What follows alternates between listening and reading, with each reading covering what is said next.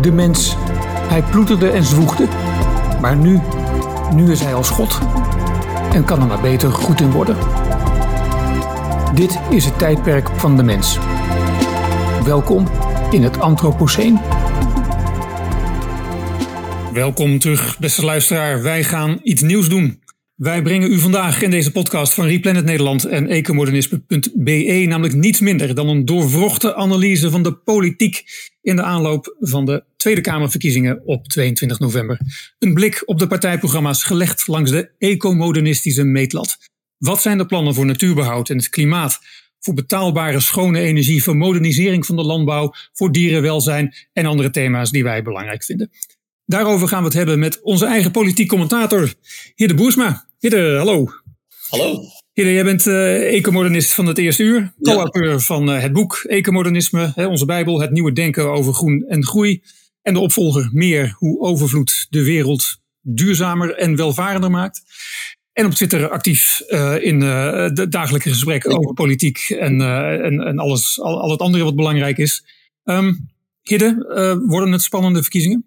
Ja, Nederlandse verkiezingen zijn altijd spannend, omdat we zo belachelijk veel partijen hebben. Dus het gaat altijd heen en weer. Maar gek genoeg, als je echt een beetje wat, nou ja, wat dieper kijkt, is het eigenlijk nooit heel spannend. Want eh, niemand, niemand gaat van links naar rechts.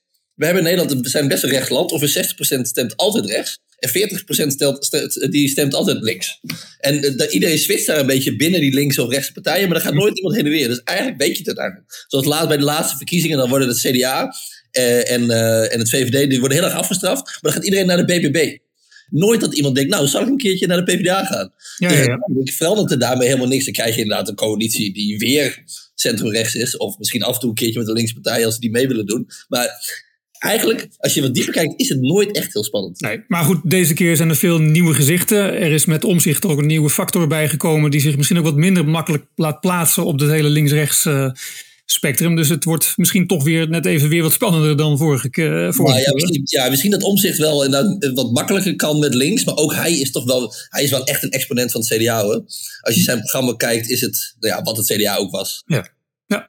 Straks uh, gaan we daar verder naar kijken. Maar we hebben niet alleen jou te gast, Hidde. We hebben ook onze eigen sidekick, Roman van Ree. Hallo, Roman. Goeiedag. Um, trouwe luisteraars kennen jouw naam aan het einde van uh, ongeveer iedere podcast dank ik jou uh, voor de techniek. Uh, Roman, jij bent al een hele tijd verbonden aan Replanet Nederland. Mm -hmm. En toen we het eens hadden met elkaar over een ecomodernistische stemwijzer, dacht jij, ik weet wel hoe.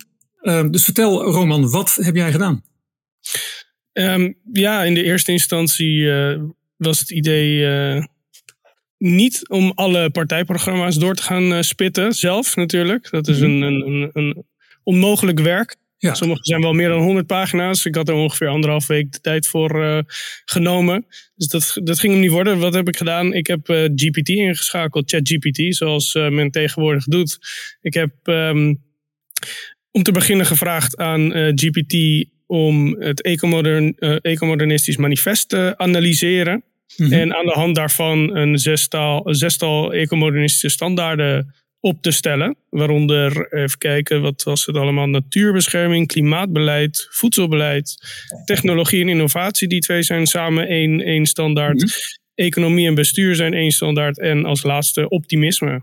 Ja. Um, en, de, en de chatbox van uh, kunstmatige intelligentie, zeg maar. Die heeft al die teksten zitten uh, bestuderen.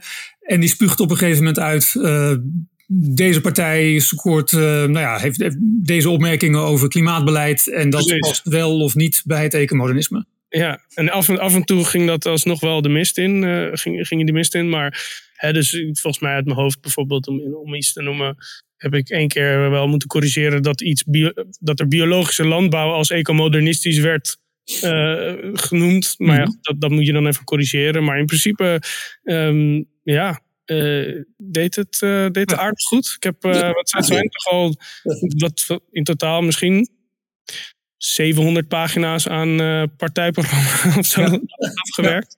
Geweldig hoor. Uh, met die nieuwe technologie. Ja, en je zegt um, de, de standaard is dan het Ecomodernistisch Manifest, dat ook is gevoed aan, uh, aan ChatGPT. Mm -hmm. vertel eens, Hidde, wat staat er zo ongeveer in dat manifest uit, nou volgens mij 2015? Ja, 2015. Wat zijn de kernpunten van het ecomodernisme? Ja, het is een beetje de bijbel van het, van het ecomodernisme waar het allemaal mee begonnen is. En eigenlijk ja, zet het ecomodernisme zich daar neer als een, een nieuwe groene stroming. Die eigenlijk zegt: het is mogelijk om 10 miljard mensen een heel welvarend leven te laten leiden. En de natuur ook nog te laten floreren.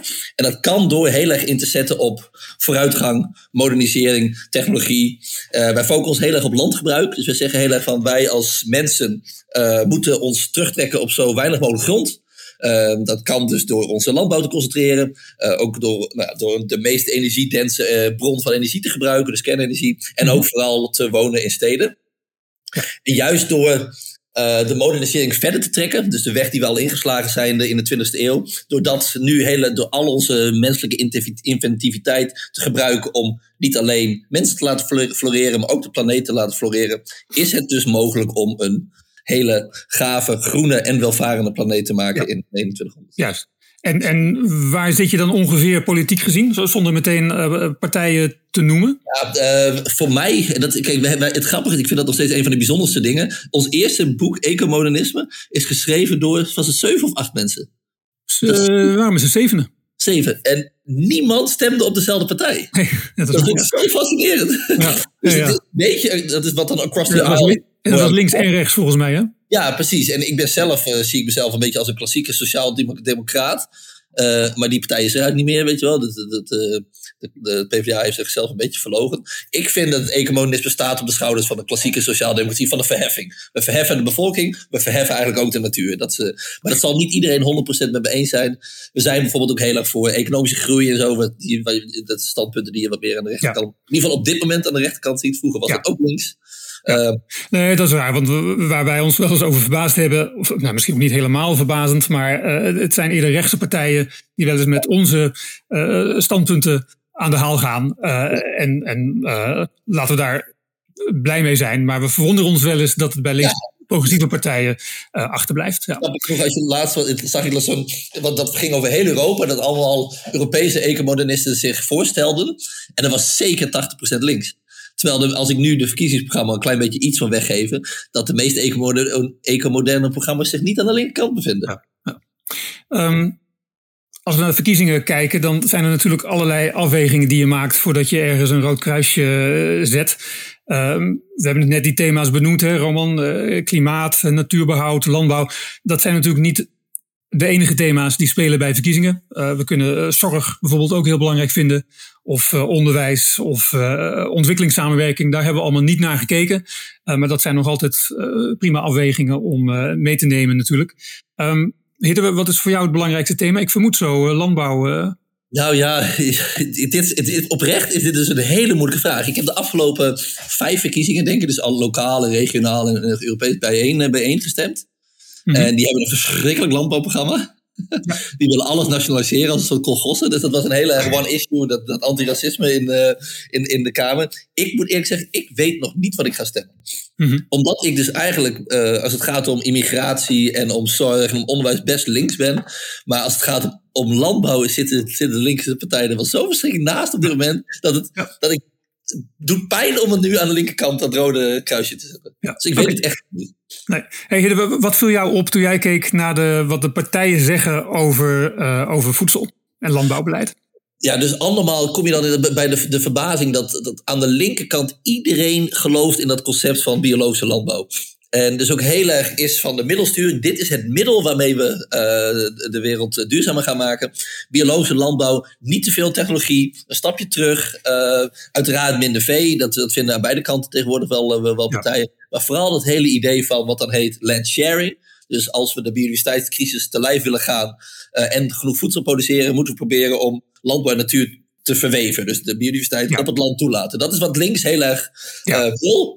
Ik denk dat dat kan. En uh, goed, ik heb daar een film over gemaakt, ook Pave Paradise en heel veel over geschreven. Dat kan dus eigenlijk niet. Nee, want jij zegt eigenlijk, het is wel waar dat op een biologische akker meer biodiversiteit is dan op een conventionele akker. Maar het, uh, de opbrengst op een biologische akker is zoveel lager dan op ja. een conventionele akker. Dat, je eigenlijk, dat er eigenlijk sprake is van voedselverspilling. Dus ja, wanneer je het concentreert op vruchtbare gronden, conventionele landbouw, uh, dan ontstaat en je geeft de vrijgekomen ruimte aan de natuur, dan is daar een veel interessantere biodiversiteit. En die kant ja, wil jij graag op. Ja. Op een biologische akker heb je inderdaad meer, meer biodiversiteit. Hij blijft marginaal vergeleken met echte natuur. Dus het maakt niet uit hoe natuurvriendelijk je boert. De biodiversiteit, ja, die houdt gewoon niet van landbouw. Ja, ja. dus dan zit je ook al snel, denk ik, bij de uh, glas- en tuinbouwsector te kijken. Um, daar heeft volgens mij het CDA is daar vrij lovend over. Zeg ik dat nu goed? Dat is, dat is, dus het CDA is de enige partij die heel expliciet uh, de, de, de, de glastuinbouw noemt. En voor mij, ik ben inderdaad ook fan van de glastuinbouw. Ze halen tien keer zoveel van een, uh, van een hectare vergeleken met buiten. En daarmee bespaar je natuurlijk heel veel ruimte. Zij zeggen daadwerkelijk boeren en tuinen ze vullen een sleutelrol op weg naar een duurzamer land. En wat zij heel erg, het CDA heel erg onderkent is ja, dat technologie en vooruitgang inderdaad de weg is naar een duurzame landbouw. En mm -hmm. dat vind ik heel mooi. Ja. Ja. En Even kijken, wat kwamen we nog meer tegen? Ja, ik zag iets heel moois bij GroenLinks PvdA. Dat zal jou denk ik ook aanspreken. Hier het citaat. We stimuleren de ontwikkeling en de opschaling van de productie van cellulaire landbouw, precisiefermentatie en kweekvlees de zaakjes. Misschien moet je dat even uitleggen, Hidde. Wat ja, er eigenlijk staat. Dat, dat, is een hele mooie, want dat ik, ik, ik zag het precisiefermentatie volgens mij in drie of vier programma's terugkomen. Ja. En dat stond in vier jaar geleden nog in in geen één programma. En het is onze campagne geweest natuurlijk van ieder dit jaar. Een Reboot Food campagne. Ik claim het allemaal natuurlijk. Ja, want, want we, vertel, we hebben een keer een podcast trouwens opgenomen met jou, bedenk ik nu opeens, over precisiefermentatie. Vertel eens heel kort uh, wat het is. Eigenlijk simpel gezegd, uh, laat je. Nu, kijk, als je, we eten nu heel veel vlees en zuivel. En dat eten we omdat daar eiwitten in zitten. En eiwitten zijn belangrijk voor onze gezondheid. Uh, maar eigenlijk is de ja, productie van eiwitten door vee best wel inefficiënt. En met precisiefermentatie laat je dat doen door bacteriën en gisten. En die kunnen dat veel efficiënter, tot wel 20 tot 100 keer efficiënter. Dus je hebt veel minder water nodig, veel minder land nodig, uh, veel minder uitstoot om tot net zulke gezonde uh, producten te komen. Mm -hmm. uh, dus wij willen heel graag. Kijk, vlees neemt het meeste ruimte in, vlees en zuivel, als het gaat om voedselproductie. Uh, en willen we de natuur laten floreren, moet ons landgebruik terug. En dat kan dus heel erg door dierlijke eiwitten te vervangen door eiwitten uit de bioreactor. Ja, precies. Ja. Dus daar zijn we groot fan van. Het is heel fijn. Ik vind het heel mooi dat, dat zoiets. Ik vind dat ook wel heel fascinerend. Want we hebben natuurlijk die Reboot Food campagne hebben we Europees aangepakt.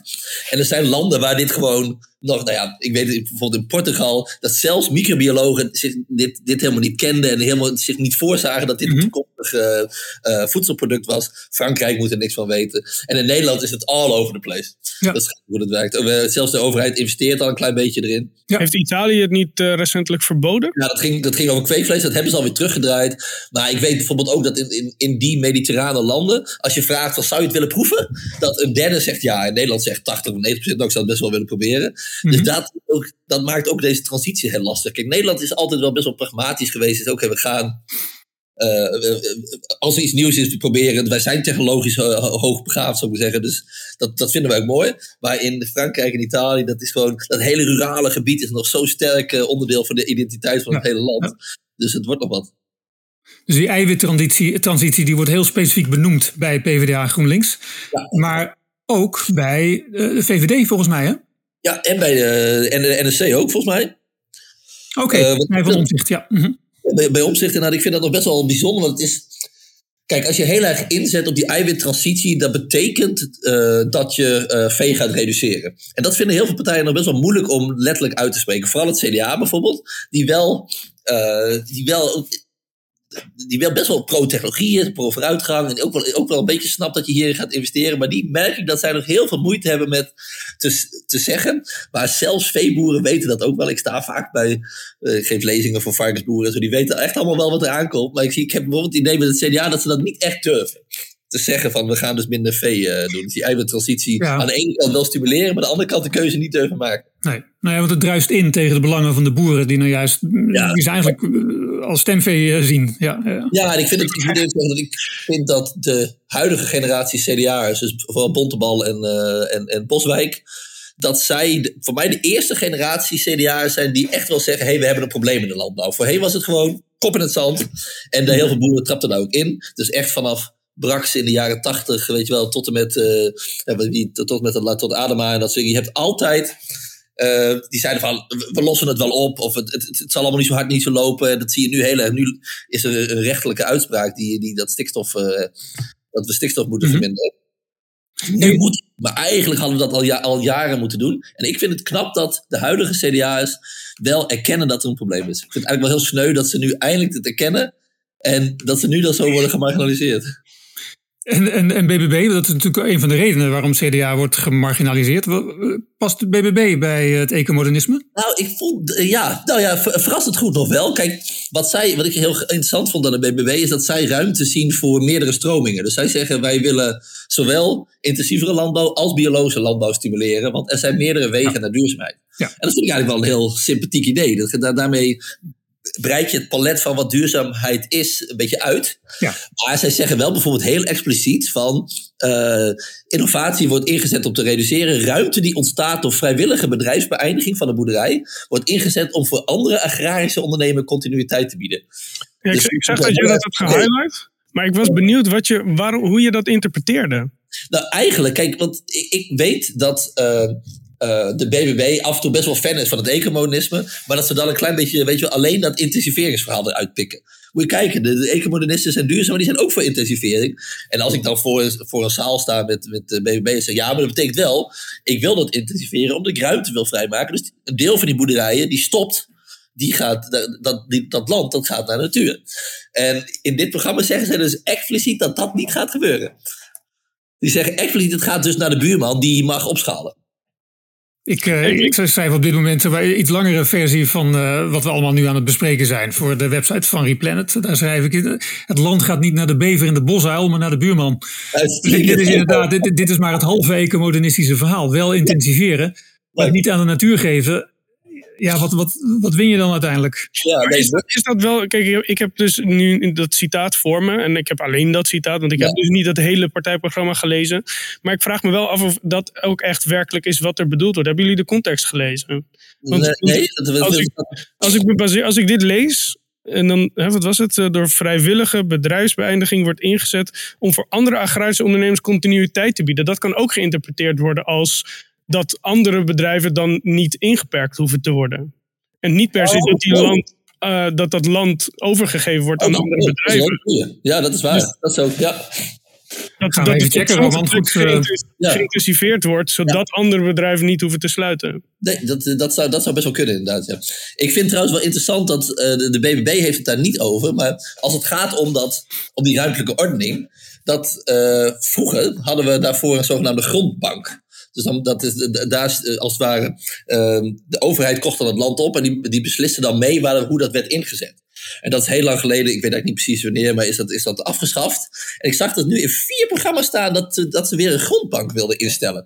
Om meer invloed te hebben als overheid op, uh, op ruimtelijke ordening. Want er is natuurlijk iets bijzonders aan de hand dat niemand in Nederland die geen boer is, kan boer worden. En, hmm. dus, dus dan is heel veel, in heel veel verkiezingsprogramma's staat nu dat als een boer stopt en 50% van de boeren heeft geen erfopvolger, dan gaat het grond primair naar de grondbank. En dan hebben bijvoorbeeld jonge boeren, uh, een, uh, die mogen daar op inschrijven. Dus jonge nieuwe boeren bijvoorbeeld. En, maar je zou dus ook heel erg goed kunnen, nou, dat zou heel erg modern zijn. Dat je zegt, maar een deel van die grond wordt dan ook gewoon natuur. Dus dat je iets meer sturing hebt op het gebied van ruimtelijke ordening. En dat vind ik één, heel ecomodern. En twee, heel verrassend dat er vier programma's eigenlijk weer op datzelfde oude idee zijn uh, gekomen. Ja. ja. Ja, wat mij wel opviel, en ik ben Roman benieuwd om jou straks nog even te horen over landbouw en voedsel, wat jou opviel. Um, wat mij wel opviel is dat PvdA GroenLinks dus zo expliciet pleit voor die eiwittransitie, transitie, waar wij ook voor zijn. Maar ook heel expliciet voor biologische landbouw uh, is. Waar wij in principe weinig op tegen hebben, behalve wanneer het het model wordt voor heel Nederland of, uh, of de hele wereld natuurlijk. Um, dus ergens is er wel dat verlangen naar um, een soort vernieuwing. Maar wanneer het gaat om uh, ja, type landbouw, dat moet uh, biologisch zijn. Oh ja, en, en het verzet natuurlijk tegen transgenetische modificatie. Hè? Dus de CRISPR-Cas techniek bijvoorbeeld. Hè? Moderne technieken die landbouw duurzamer kunnen maken met minder pesticiden en gewoon op minder land, beter bestand tegen extreem weer, et cetera. Daar, daar moeten ze bij PvdA GroenLinks toch niet zoveel van, van hebben. Nee, alhoewel, ze dus zeggen voor gewassen die gemodificeerd zijn, we houden dus vast aan de strenge Europese regels voor transgenezen. Maar ze gaan dus wel mee in het plan van de nieuwe plan van de Europese Unie om die CRISPR-Cas, dus dat is zo'n nieuwe mhm. genetische techniek, um, om die wel vrijer te laten. Dus voor gewassen die gemodificeerd zijn zonder soortvreemd DNA, wat dan cisgenese heet, bijvoorbeeld met de CRISPR-Cas-techniek, bepleiten we een Europese toets op maatschappelijke waarden. En ik vind dat toch wel, nou ik, één vind ik dat al winst, weet je wel, want voorheen was aan de linkerkant moesten we echt niks hebben van genetische modificatie. Dus dat er een openingetje is, is wat mij betreft winst.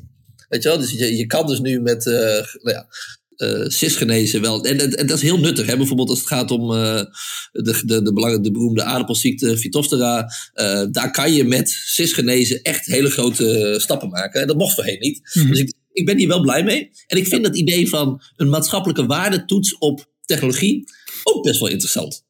Dus dat je een beetje als andermaal als overheid gaat nadenken: oké, die techniek, kijk, die genetische modificatie is natuurlijk heel erg in een slecht daglicht gekomen door die soja die resistent is tegen glyfosaat. Mhm. Weet je wel? En dus dat je wat meer gaat nadenken eh, samen met het bedrijfsleven over wat gaan we nou precies met die techniek doen, vind ik eigenlijk best wel. Uh... Is, is dat de reden waarom, waarom links. Ik, oprecht snap ik het, weet je wel. Conservatieve mensen die meer vanuit religieuze overweging of zo zich verzetten tegen dergelijke technieken. Maar wat is de motivatie voor links om zich hier tegen te verzetten? Ja, het, is Grote bedrijven of zo? Wat is ja, het is een symbool geworden voor alles wat mis is met de intensieve landbouw. Hetzelfde discussie nu over het glyfosaat. Het gaat eigenlijk niet om de techniek zelf, maar de eerste toepassing van, uh, van genetische modificatie was en Monsanto. En dan ook nog soja voor wat veevoer is. En dan ook nog een, een uh, toepassing die misschien wel zorgt voor meer bestrijdingsmiddelen. Weet je wel? Dus dat is glyfosaat. Dus eigenlijk tikt het alle boxjes die, van irritatie aan de linkerkant. En dat hebben ze toen. Toen zijn zij niet in staat geweest om de techniek los te koppelen van die ene toepassing. En is, het, is, is, is alles wat met Gentech uh, te maken heeft, is, is, is kwaad. En dat er nu dus een klein veranderingje zit, vind, een opening, is wel, is wel winst hoor. Het is, het is totaal, totaal nog onwetenschappelijk, dat verschil tussen cis en transgenezen. Maar ik ben blij met deze stap. Ja. Ehm, we gaan zo door naar um, klimaat. Uh, Roman, is er nog iets wat jij eruit wil uh, lichten bij voedsel en landbouw? Nou, niet specifiek hier, hier uh, op dit thema, maar ik denk dat ook uit wat we net hebben besproken al voortkomt, wat we net voor de opname ook al uh, even aanstipten, is dat het, dat het belangrijk is om, uh, om beleid natuurlijk te beoordelen aan de hand van de, van de uitwerking ervan. Hè? Dus niet aan de intentie. Dus als we kijken naar heel veel bedrijven of politieke partijen die pleiten voor natuurbescherming, voedselbeleid, et cetera. Maar uiteindelijk zien we toch veel beleid wat daar eigenlijk gewoon helemaal niet op aansluit. Mm Dus dat, ja. Ik, ja. Ik, één punt wat ik heel graag wil maken. En dat is, ik, want ik ben best wel, best wel uh, gecharmeerd van het programma van het CDA. Maar er staat dus expliciet in het CDA-programma dat er geen ruimte is voor de wolf in Nederland. Ah, oh, dat, goeie dat je die hebt uitgepikt, ja. ja. dat vind ik zo treurig, want je gaat dus ruimte maken voor de natuur. Dat is, dat is het ecomoderne idee. bij bij het CDA hangt het er nog een klein beetje om, weet je wel. Maar ik, ik, ik dat je dan zegt, oké, we willen wel uh, biodiversiteit, maar niet die wolf. En ik vind dat ook heel... Maar wil, wil jij die wel dan? Ik ja, wil... ik graag die wolf. Nou, of het, nou wel, het gaat er niet eens zo specifiek om die wolf, maar het idee dat je... Dat wij, wij zijn het een van de rijkste landen ter wereld. Uh, dus als het ergens moet lukken om uh, een een bepaald dier wel ruimte te geven. En ja, dat moet misschien met hekken en dat soort dingen. Maar wat je hiermee is, je geeft hiermee een soort incentive. Ik weet dat in Kenia bijvoorbeeld olifanten ontzettend veel akkers platlopen. Ja. En dus eigenlijk past die olifant daar ook niet. Dus wat je eigenlijk zegt, wat heel vaak zegt, ja, we doen ergens anders moeten we natuurbescherming. Nee, het is altijd lastig om natuur en biodiversiteit. Er zit altijd een conflict toe. Dus wat je hiermee zegt, ja, als wij die wolf, dan mogen ze in Kenia die, die olifant ook wel afschieten. Ik vind dat wij ook een soort voorbeeldfunctie moeten hebben van jongens, ja, het is mhm. af en toe best even lastig. En er worden wat schapen doodgebeten. Dat is vervelend. Het is natuurlijk nog steeds een fractie van wat er geslacht wordt.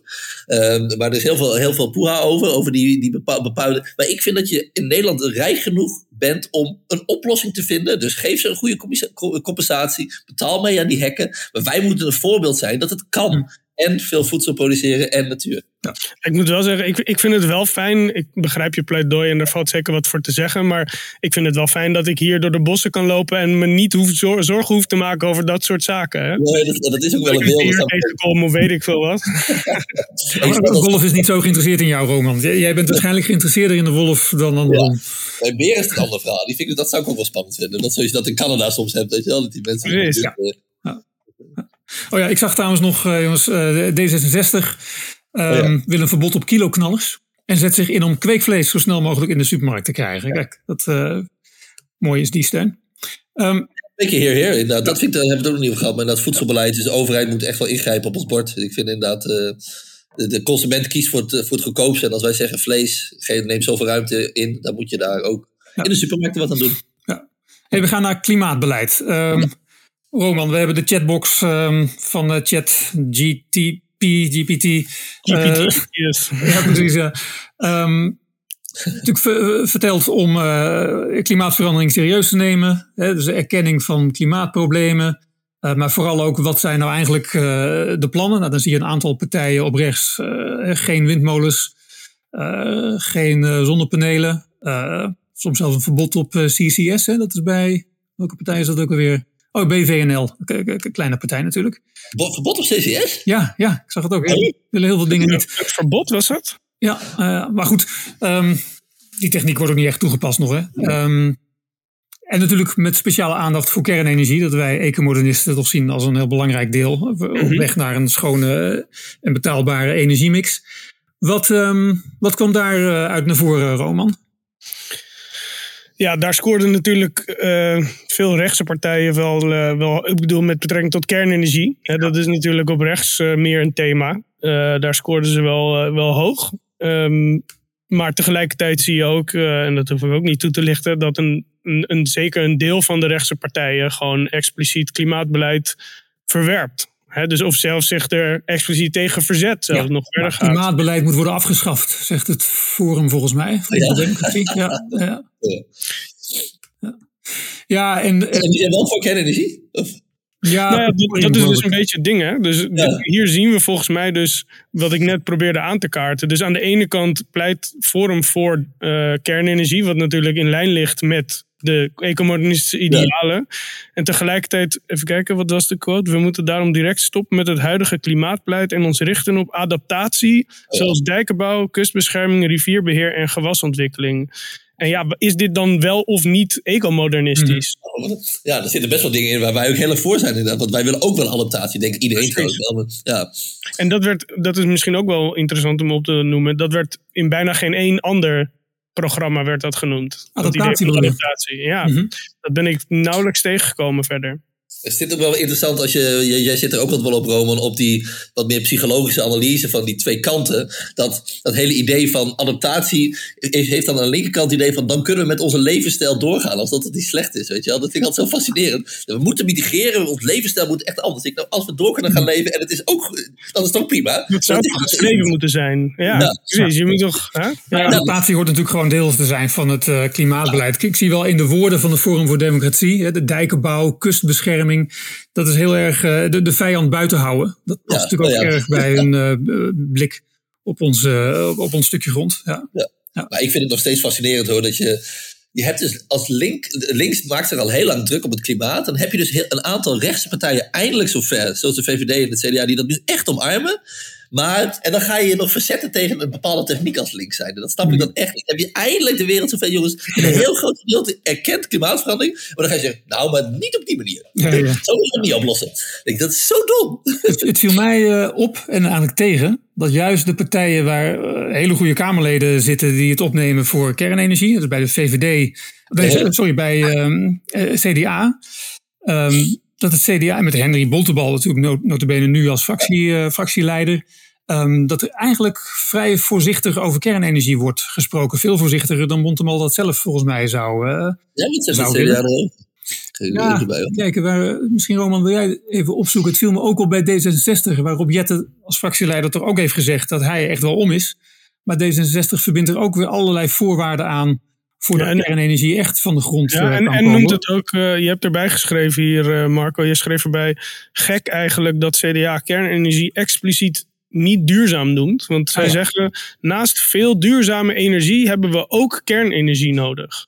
Zou dat geen typootjes zijn, denk je? Of is het aan het bewustzijn? Nou ja, ze hebben het gewoon gemist, denk ik. Dat er eigenlijk is bepaald dat kernenergie een duurzame energiebron eh, is. Dat- En natuurlijk sowieso eh, CO2-vrij. Ja, nee, het ging om allerlei voorwaarden. En, en toch vooral eigenlijk kijken naar die, die, die kleine modulaire reactoren, hè, die SMR's. Ja. eh, investeren in nieuwe kernenergie, zeg maar. Dus kernenergie die nog niet bestaat. En dat vind ik altijd zo flauw. Oh ja. VVD zegt gewoon... voor Bouwen. er zijn vier kerncentrales, toch? Ja, let's go. De VVD gaat er heel ver in.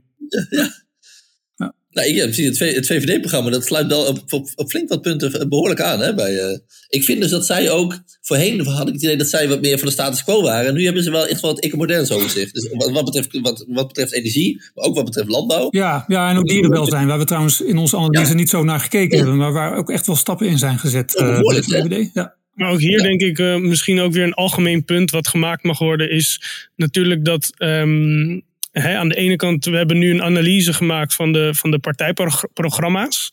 En dat is natuurlijk niet hetzelfde als het stemgedrag van de Nee. partijen. Dus, hè, dus wat er uiteindelijk uit een coalitieakkoord komt, et cetera, dat zijn natuurlijk weer, is weer heel wat anders. ja, goed punt. Ik heb eh, toevallig dit weekend even gesproken met iemand die had eh, bij de Volkskrant. Volkskrant heeft nu een stemwijzer waarbij ze juist kijken naar het stemgedrag in de afgelopen jaren. Ja. En kennelijk kwam PvdA GroenLinks, eh nog als twee aparte partijen natuurlijk, daar Ja. niet zo heel goed uit. Dus wat zij zeggen in hun partijprogramma's, of zeiden in hun partijprogramma's moet ik zeggen, dat dat niet altijd zo goed overeenkwam met hoe ze uiteindelijk stemden in de Oh. Tweede Kamer. En dat is best, vind ik ook best relevant om naar zo'n soort stemwijze te gaan kijken. zeker. Ja, dat heb je natuurlijk bij Ja21 en BVNL. Dan zie je best wel wat semi-klimaatbeleid. Maar als je dan in de, in de Kamer is, dan ontkennen ze bijna altijd die problemen. Dan moet je zeker meenemen. Maar ik, het verbaast me dat link- de linkerkant dus, eh, zou ik zeggen, minder principieel is.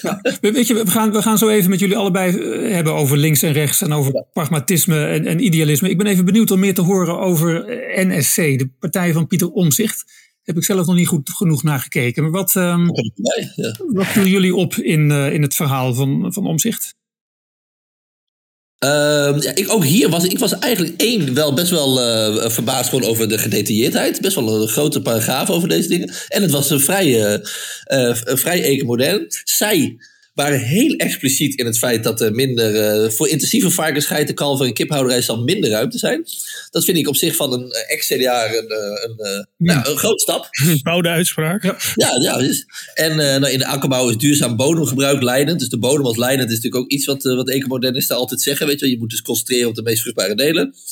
Eh, we steunen de sector bij innovaties. Ook, dus zij geloven dus ook wel heel erg in, in innovatie. Dus ik, eh, we stu- stimuleren de teelt en toepassing van plantaardig eiwit. Dus op allerlei punten dacht ik, hé, hey, dat is een vrij eh, progressief eh ecomodern programma. Ja. Als het gaat om landbouw. Startups en scale-up, het belang, het belang van regionale broedplaatsen. Ook dat, is, dat zie je nu dat in, op het gebied van de eiwittransitie is, eh, z- zijn eh, Si- Singapore en Israël zo ontzettend eh, voorlopers. En dat komt omdat zij heel veel investeren in. Nou ja, gewoon, er zijn gewoon heel veel subsidies voor start-ups, maar ook heel veel gewoon ruimtes en, en contactmomenten met, met slimme mensen. En eh, Mhm. dat ziet ook NRC. Dus ik, ik ben daar best wel positief over. Ja. Daar staat er weer tegenover dat natuurlijk in het echte leven ze zeggen dat alle opleidingen op de universiteit in het Nederlands moeten. Ja, Dat, is weer- dat vind ik dan weer heel kleinburgerlijk. Ja. Ik denk, hè, Je hebt het over een heel innovatief klimaat waarvan je weet dat dat internationaal is. En dan, dan ga je dit soort dingen zeggen. Dus het, dat, dat, bot, dat botst af en toe nog wel een beetje. mhm, ja. Roman, eh, viel jou iets op bij, eh, bij NSC? Nou ja, ik, ik, ja, ik zou zeggen dat ik, net zoals inderdaad bij CDA en VVD, eigenlijk verrast was eh, door inderdaad de mate waarin dat overeenkomt. Gewoon over de hele breedte. Over het- Mhm. Ja, het is, eh, het is verrassend voor mij. Ja, ja, ja ik heb me nog ook. nooit op deze manier verdiept in die, in die partijprogramma's. Dus Ehm, we hebben het net al een beetje aangestipt. Hè? Het, ehm, eh, soms kiezen eh, de partijen voor kernenergie wanneer ze klimaatverandering niet een heel groot probleem vinden. Of willen ze heel graag wel eh, bomen planten zonder dat ze eh, natuurbehoud nou heel erg belangrijk vinden.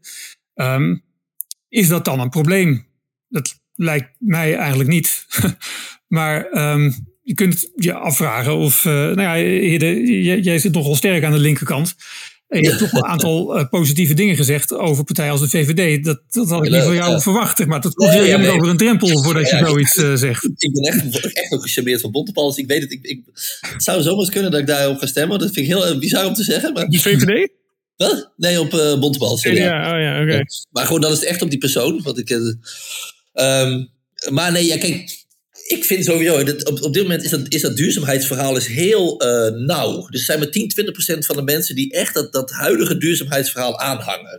GroenLinks heeft nooit meer stemmen dan dat. Dus dat is heel erg dat met, in harmonie met de natuur. Dus als er andere redenen zijn waarvoor je bijvoorbeeld voor kernenergie bent, of voor intensieve landbouw, of weet ik veel, of, of voor natuur. Als al is het maar om bijvoorbeeld, ik, ik, ik ben in Costa Rica geweest, waar, waar gewoon de, de, sterker maken van de natuur geleid heeft tot toerisme, weet je wel. Dus je kan ook een economische reden voor meer in de natuur mhm. zijn. Ja, let's go. Je moet uh, op die manier coalities bouwen. Lijkt me fantastisch. Uh, ik, ik, ik, ik, zou niks liever willen dan dat het duurzaamheidsverhaal gewoon natuurlijk wat breder wordt ingezet. Alleen dat het verhaal van GroenLinks. Maar zolang dat nog niet echt uh, aan de hand is, zolang dat, e zolang dat ecomoderne mm. verhaal niet heel breed is, ja, dan moet je coalities maken met mensen die gewoon kernenergie willen, omdat het uh, de afhankelijkheid van het Midden-Oosten vermindert, zoiets, ja. weet je wel, of van ja. Rusland vermindert. Dat lijkt me alleen maar goed. Ja. Hoe zie jij dat, uh, Roman? Um, ik ben persoonlijk meer van de, van de rechtse politiek. Meer gericht op individuele soevereiniteit, zelfbeschikkingsrecht, eigendomsrecht. Um, maar dat was ook hetgene wat mij uh, juist uh, trok aan het, het ecomodernisme ten opzichte van andere, um, hoe moet ik dat zeggen, klimaatbewegingen of mhm. ideologieën. Ja. Um, omdat het gewoon heel redelijk is. En ja, dat is ook, hè, voor mij, ik sta daar dus gewoon minder ideologisch in. Maar ik wil wel graag effectief en, en pragmatisch beleid. En dat, dat is uh, ja, bij het ecomodernisme goed, goed te vinden volgens mij. Er komt veel, veel, veel redelijk uh, voorstellen uit voort. En ja, wat dan de motivatie is om het te doen. Mhm. Ja, je kan samen strijden voor dezelfde inzet uh, en, en, ja. om andere motivatie. Ja. Maar dat is ook de politieke werkelijkheid uiteindelijk. Hè? Dat je in Nederland met zoveel politieke partijen zit.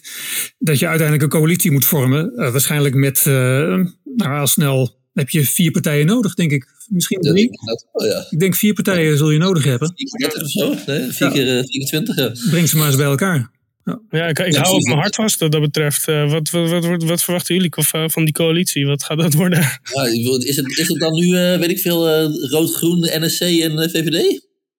Zou dat genoeg zijn? Ja, ja, ja, genoeg denk ik wel, maar ja. moeten we dat willen? Maar je ziet toch niet voor je dat VVD samen met PvdA GroenLinks uh, een kabinet gaat vormen? Dat denk je niet. Ja, een beetje net, dat hebben ze natuurlijk wel eerder gedaan. het is eigenlijk een beetje paars. Alleen dan paars onderlangs. Via de conservatieve in plaats van de positieve kant. Ja, nou, en, en ik moet zeggen, dit VVD-programma, wat zover ik het gezien heb, is echt wel erg groen. Is groener ja, dan het is, geweest. Ook al heeft ja. dat al vaker gezegd, volgens mij. Ja, ik, grappig genoeg heeft dat ik heb, ik heb een tijd lang heb ik bij uh, de G500 gezeten. Ik weet niet of je dat nog kennen. Dat is een initiatief waarmee we bepaalde... Dat was onder, onder leiding van de Siewert van Linden. Wie kent hem niet? Siewert van Linden, uh, ja. ja. ik, ik, ken hem heel goed. Die uh, gingen wij met 500 jongeren lid worden van alle de, de, drie grootste partijen. En gingen we daar proberen het, het oh, ja. programma te veranderen. En toen vond ik dus ook al heel opvallend. Dus zijn we naar weet het, symposia geweest van, het CDA en van de PvdA, maar ook van de VVD toen vond ik dat ook al het verschil. Het, het, verschil in bijvoorbeeld maat van duurzaamheid in de VVD is altijd ontzettend groot geweest. Wij zijn toen, we werden toen, we probeerden het verkiezingsprogramma van de VVD duurzamer te maken, maar we werden links ingehaald door de, door de regio Amsterdam. Weet je, de VVD's in Amsterdam, dat zijn echt van echte liberalen. Mhm. En dus, je hebt ook een hele grote groep heel erg uh, conservatieven. En ik heb nu het idee dat inderdaad in het VVD-programma toch dat wat meer liberalere programma, dus dat vooruitstrevende liberale programma, de overhand heeft gekregen over het uh, conservatieve. In ieder geval als het gaat om natuur en, uh, en, en, mm -hmm. uh, en klimaat. Wellicht niet als het gaat om immigratie, dat weet ik eigenlijk niet. Maar... Ja. ja. Ik vind het sowieso wel opvallend hoor. Dat, uh, de, als, als, het, als je het nu hebt over pragmatiek, dan moet je aan, dus aan de rechterkant zijn. Aan de linkerkant is het, is het. Ik heb het al een keer eerder gezegd, dat gaat, alles gaat om middelsturing in plaats van doelsturing. We willen naar een duurzame samenleving en dat moet via de biologische kant. Weet je wel, dat mm -hmm. moet zonder CRISPR. Terwijl, je moet, je, terwijl in, er staat expliciet in het CDA-programma bijvoorbeeld, te gaan voor doelstimuleringen. Volgens mij staat het ook bij NSC. Je moet gewoon tegen een boer zeggen uh, jij moet je bestrijdingsmiddelen halveren in 2050. Zie maar hoe je het doet. dan kan zo'n boer dus wat hij het feit vinden. De ene gebruikt CRISPR-Cas en de andere gebruikt natuurlijk bestrijders. Allemaal fijn. En dat is ook nou wat onze grote baas Rudy Rabbing ook heel erg graag ziet. Je moet vertrouwen hebben in de makers van dit land. De makers van voedsel. En dat is zo belangrijk. Want die boeren, die boeren, als je komt bij die boeren, die zijn zulke slimme mensen. En elke boerderij is anders. Dus het hele idee dat uh, je hetzelfde kan opleggen bij iemand die op lustgronden in, in, uh, in Limburg zit. Of iemand die uh, hier in, in de Flevopolder zit. Dat is gewoon niet zo. Die, en die boeren weten dat zelf heel goed. Die monitoren hun bodem heel goed. Zijn heel zuinig op hun bodem. Dus dat, dat, dat dat, dat vind ik dus ook weer prachtig aan wat het CDA heeft gedaan. Je moet, je moet gewoon, ja, er moeten strenge doelen komen, maar laat die boeren het zelf doen. Mm -hmm. Laat ze op hoe ze dat moeten doen. Misschien om in te haken op dat, op dat punt van het pragmatisme op rechts, wat je net noemde. Daar hebben we het ook al eerder een keer over gehad, um, ja. Dat volgens mij komt dat voort uit toch globale soort van karaktertrekjes van mensen, karaktertrekken van mensen hè, ten opzichte van elkaar, van links en rechts. Ja. Als we kijken naar rechtse mensen, dan praten we vaker over dingen als orde en, en hè, handhaving en zo. Ja. Dat is wat ze bezighoudt. Terwijl op links zie je meer bijvoorbeeld artistieke, creatieve mensen die, die nou ja, de vrijheid opzoeken. Hè, en, en volgens mij de, de, de essentie daarvan, het verschil, de essentiële verschillen daarin liggen in de kaders. Hè? De kaders die mensen in hun, in hun psyche hebben en, en de mate waarin ze proberen die te overstijgen. En, en wat daarmee gepaard gaat, is gewoon een bepaalde. Uh, een bepaald loslaten van realiteitszin, ja. volgens mij. En dat bedoel ik niet als een, als een waardeoordeel, maar puur als een constatering. Dat volgens mij linkse mensen meer in die idealen leven ja, vaak. Ja. Proberen die idealen na te streven, terwijl rechtse mensen meer in de realiteit gegrond zitten en proberen dat te, nou ja, vast te houden, om het zo ja. te zeggen. Mag ik daar anders een voorbeeld van geven uit het uh, programma van Bijeen? Daar gaat het over klimaatbeleid en dan hebben ze het over de Nederlandse uitstoot van broeikasgassen is in 2025 minstens 75% lager oh ja. dan in 1990 en staat in 2030 op nul. Deze doelen worden wettelijk vastgelegd en zijn bindend. Ja, dit is natuurlijk volstrekt onmogelijk. We hebben het over 2025 en 2030. Het staat gewoon voor de deur. Ja. Hey, mag, mag ik daar ook nog aan toevoegen trouwens? En dit, dit vond ik ook wel schrikbarend. Extinction Rebellion die is dus ook voor zoiets. Alleen dan nog extremer. Hè? Die wil ja. naar nul in 2025. Mm-hmm. Dus dat, ja, toen ik dat zag, toen dacht ik ook wel van ja, die, die zijn toch helemaal de weg kwijt. Ik bedoel, ja, en, en, en, en, want jij zei dat vorige keer ook al van, maar je hebt, dat soort dromen heb je ook wel nodig, weet je wel. Dus een soort, weet je, ik denk dat als je 100 jaar terugkreeg en je, je, je ziet een wereld van algemeen, de welvaart die we nu hebben en ook de gelijkheid en de democratie die we nu hebben, denk ik ja, dat als het alleen maar vroeger, als je alleen maar gegrond was en van de law and order en niet de grote veranderingen je moet ook durven dromen. Zeker. Maar je ziet dat oh, het kan ook af en toe problematisch uh, zijn. Nou ja, ik, ik zou zeggen, la, laat alsjeblieft niet de mensen van Extinction Rebellion aan de macht komen. Want dan gaat het gewoon finaal mis. Nou, die doen niet mee aan de verkiezingen, Roman. Dus geen, geen nee, nee, nee, maar ik, bedoel, ik bedoel maar te zeggen, als, als, dat, het, als dat zeg maar het leidend beleid wordt... Dan, uh, ja. dan wordt er geen niet aan natuurbescherming gedaan uh, meer. Ik, ik vond wel, kijk, ik, wat ik, dat is voor mij nog steeds wat ik het moeilijkste of het treurigste vind aan het huidige linkse discours. Links was vroeger van de vooruitgang en de modernisering. Weet je wel, Lenin, dat massamoordenaar, ik weet het, maar die zei electricity for all, weet je wel. Mm -hmm. ja, en ook uh, Danel zei iedereen een auto. Dat zijn van die droomidealen waar vroeger denk ik, nou, niet iedereen heeft gewoon een auto nodig. Is wel gebeurd, weet je wel. Dus dat soort idealen vind ik heel mooi. En dat dat links dus dat verloren heeft, want dat we dus voor iedereen de wereld beter maken. Niet alleen voor ons, maar ook voor de natuur. Dat dat niet meer links is. Dus dat, dat is de great reversal. Vroeger was links voor, we moeten gewoon iedereen een welvarend en goed leven. En dat is links. En ja, iedereen maar, dus gelooft heel erg in vooruitgang. En dat is zo. Hidde, ja. ik, kan, ik kan het helemaal volgen hè, wat je zegt. Ja. Maar je zegt ook dat je de afgelopen verkiezingen op bijeen hebt gestemd. Dat is de meest linkse partijen volgens mij die, we, die we nu hebben. En bijeen is helemaal voor degrowth. Voor het hele idee know, know. dat die groei okay. helemaal niet, dat die vooruitgang eigenlijk niet meer nodig is. Hoe, hoe, hoe rijm jij dan jouw stemgedrag met, met dit uh, uitgangspunt? Daar ben ik bij één stem. Kijk, ik wist dat bij één natuurlijk. Bij één gaat nooit in de coalitie. Bij alleen bij één haalt, haalt, als er twee zetels is, het veel. Want ik, ik vind Sylvana Simons heel goed. En ik vind echt dat zij uh, de blinde vlek van de Nederlandse politiek over institutioneel racisme echt goed heeft aan de kaart gesteld. En dat is de enige reden waarom ik op haar stem. Mm -hmm. Waarom hetzelfde, ik ben ook best wel gesim, ik voel best wel sympathie voor de Partij van de Dieren. Ook zij zijn ook voor degrowth. Maar zij hebben dat hele, wat dan heet het Overton window over. Die, dat, dat de VVD nu zoveel dierenbeleid heeft in het programma, is te danken aan, uh, ja, aan, uh, aan, de Partij van de Dieren. Ja. En, zo, en dus daarom stem ik ook op Sylvana. Zij trekt die hele witte massa bij wijze van mee in, jongens, als een soort, beetje gewoon een soort les. Uh, en ja, ja, zij zijn heel extreem. Maar door een beetje les te geven en, en op, de, op die andere 149 mensen. en die daar een beetje goede dingen van leren. denk ik dat de wereld beter wordt. Ja. En het, is, dat was een hele, het was voor mij een bijzondere stem. Want ik, ik wil helemaal niet dat zij in, aan de macht komen. Dat moet je helemaal niet willen. Maar ik wil één iemand zoals Sylvana in de Kamer. is denk ik heel nuttig. Ja. Net als een paar zetels voor de Partij van de Dieren. heel nuttig is. Maar het hele programma is verschrikkelijk. Mooi, nee, dat op zich sluit aan hè, bij. Um, uh, waar we ook mee begonnen, dat er natuurlijk veel overwegingen zijn die je kan maken als je in het stemhokje straks uh, staat. En hoe, uh, hoe belangrijk wij ook natuurbehoud vinden en een stabiel klimaat. En ja, hoe graag we ook kerncentrales zouden zien. er zijn ook andere dingen in het leven die, ja. die, die, belangrijk zijn. En daar moet je uiteindelijk natuurlijk ook rekening mee houden. En daarom geven wij ook expliciet geen uh, stemadvies, toch? Ook al heb jij Hidde toch laten doorschemeren, waar jij uh, in ieder geval oh, ja, nou, ik, meer uitgaat. Ik liet dat doorschemeren omdat het voor mij heel bijzonder is. Ja. ik heb nog nooit aan die kant gestemd. Zo het meest rechts wat ik gestemd is D66. Maar en ik, ik, ja, ik heb natuurlijk. Ik, ik zou het wel een keer tijd vinden dat er weer een keertje een, wat, een wat linkse kabinet komt, weet je wel. Mm -hmm. Nog maar tegelijkertijd merk ik dus gewoon dat ik, dat ik zoveel weerstand voel tegen een, een, een rood uh, dingetje bij, uh, bij uh, met GroenLinks nu. Omdat dat, dat environmentalisme is echt dood in de pot wat mij betreft. Ja. Ja, je, kunt geen, uh, je kunt geen kruisje zetten bij um, progressieve linkse waarden, uh, maar je moet een kruisje zetten bij een partij. En, en de partijen die zich nu progressief of links noemen, uh, zijn dat misschien niet, uh, niet altijd nee, zoals, precies, het zou, uh, zoals je het zou willen. Hè? Ja, ik ken dat wel. Hey, en Roman, even naar jou. Wat, wat, wat ga jij doen in het stemhokje? Weet je dat al? Ga je überhaupt? Nee, ik ben daar nog niet over uit. Ik stem tegenwoordig wel. Ik deed dat ooit principieel als destijds noemde ik mezelf nog libertariër. Um, dat, uh, dat, ik, ik heb dat inmiddels omarmd, stemmen. Okay, ja. maar, uh, wat mij betreft ook een partij hè, die, die, die het verdient. Net zoals jij net vertelde, Hidde, over uh, bijeen.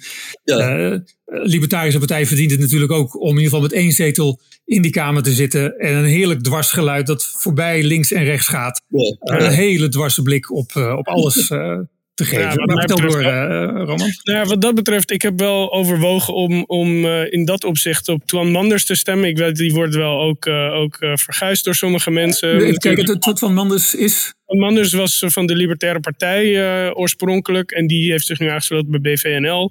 Daar zit ook een vriend van mij, Jernas Ramotarsing. Oh, ja. Die is daar, heeft zich daarbij aangesloten. Um, maar ja, ik heb, ik heb de stemwijzer gedaan en dan kom ik bij uh, ja 21 uit.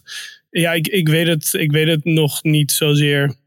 Um, ik ben er nog niet over uit wat, uh, wat ik ermee ga doen. Ja. Nee. Jij dan, uh, Marco? Ja, ik, nou ja, ik, ik weet eigenlijk niet of ik ga stemmen. Ik, nee. ik heb wel vaker niet gestemd. En eigenlijk uh, heb ik daar zelden spijt van gehad. En wanneer ik wel ging stemmen, had ik al vrij snel spijt van mijn, van mijn stem. Dus, uh, maar ik, ik moet ook zeggen, deze keer vind ik het toch wel weer anders met al die nieuwe gezichten. Ik, ik, ik ben denk ik wat cynisch geworden door de jaren heen over politiek. Ja. En dat wil ik eigenlijk helemaal niet zijn, cynisch. Maar het is toch gebeurd.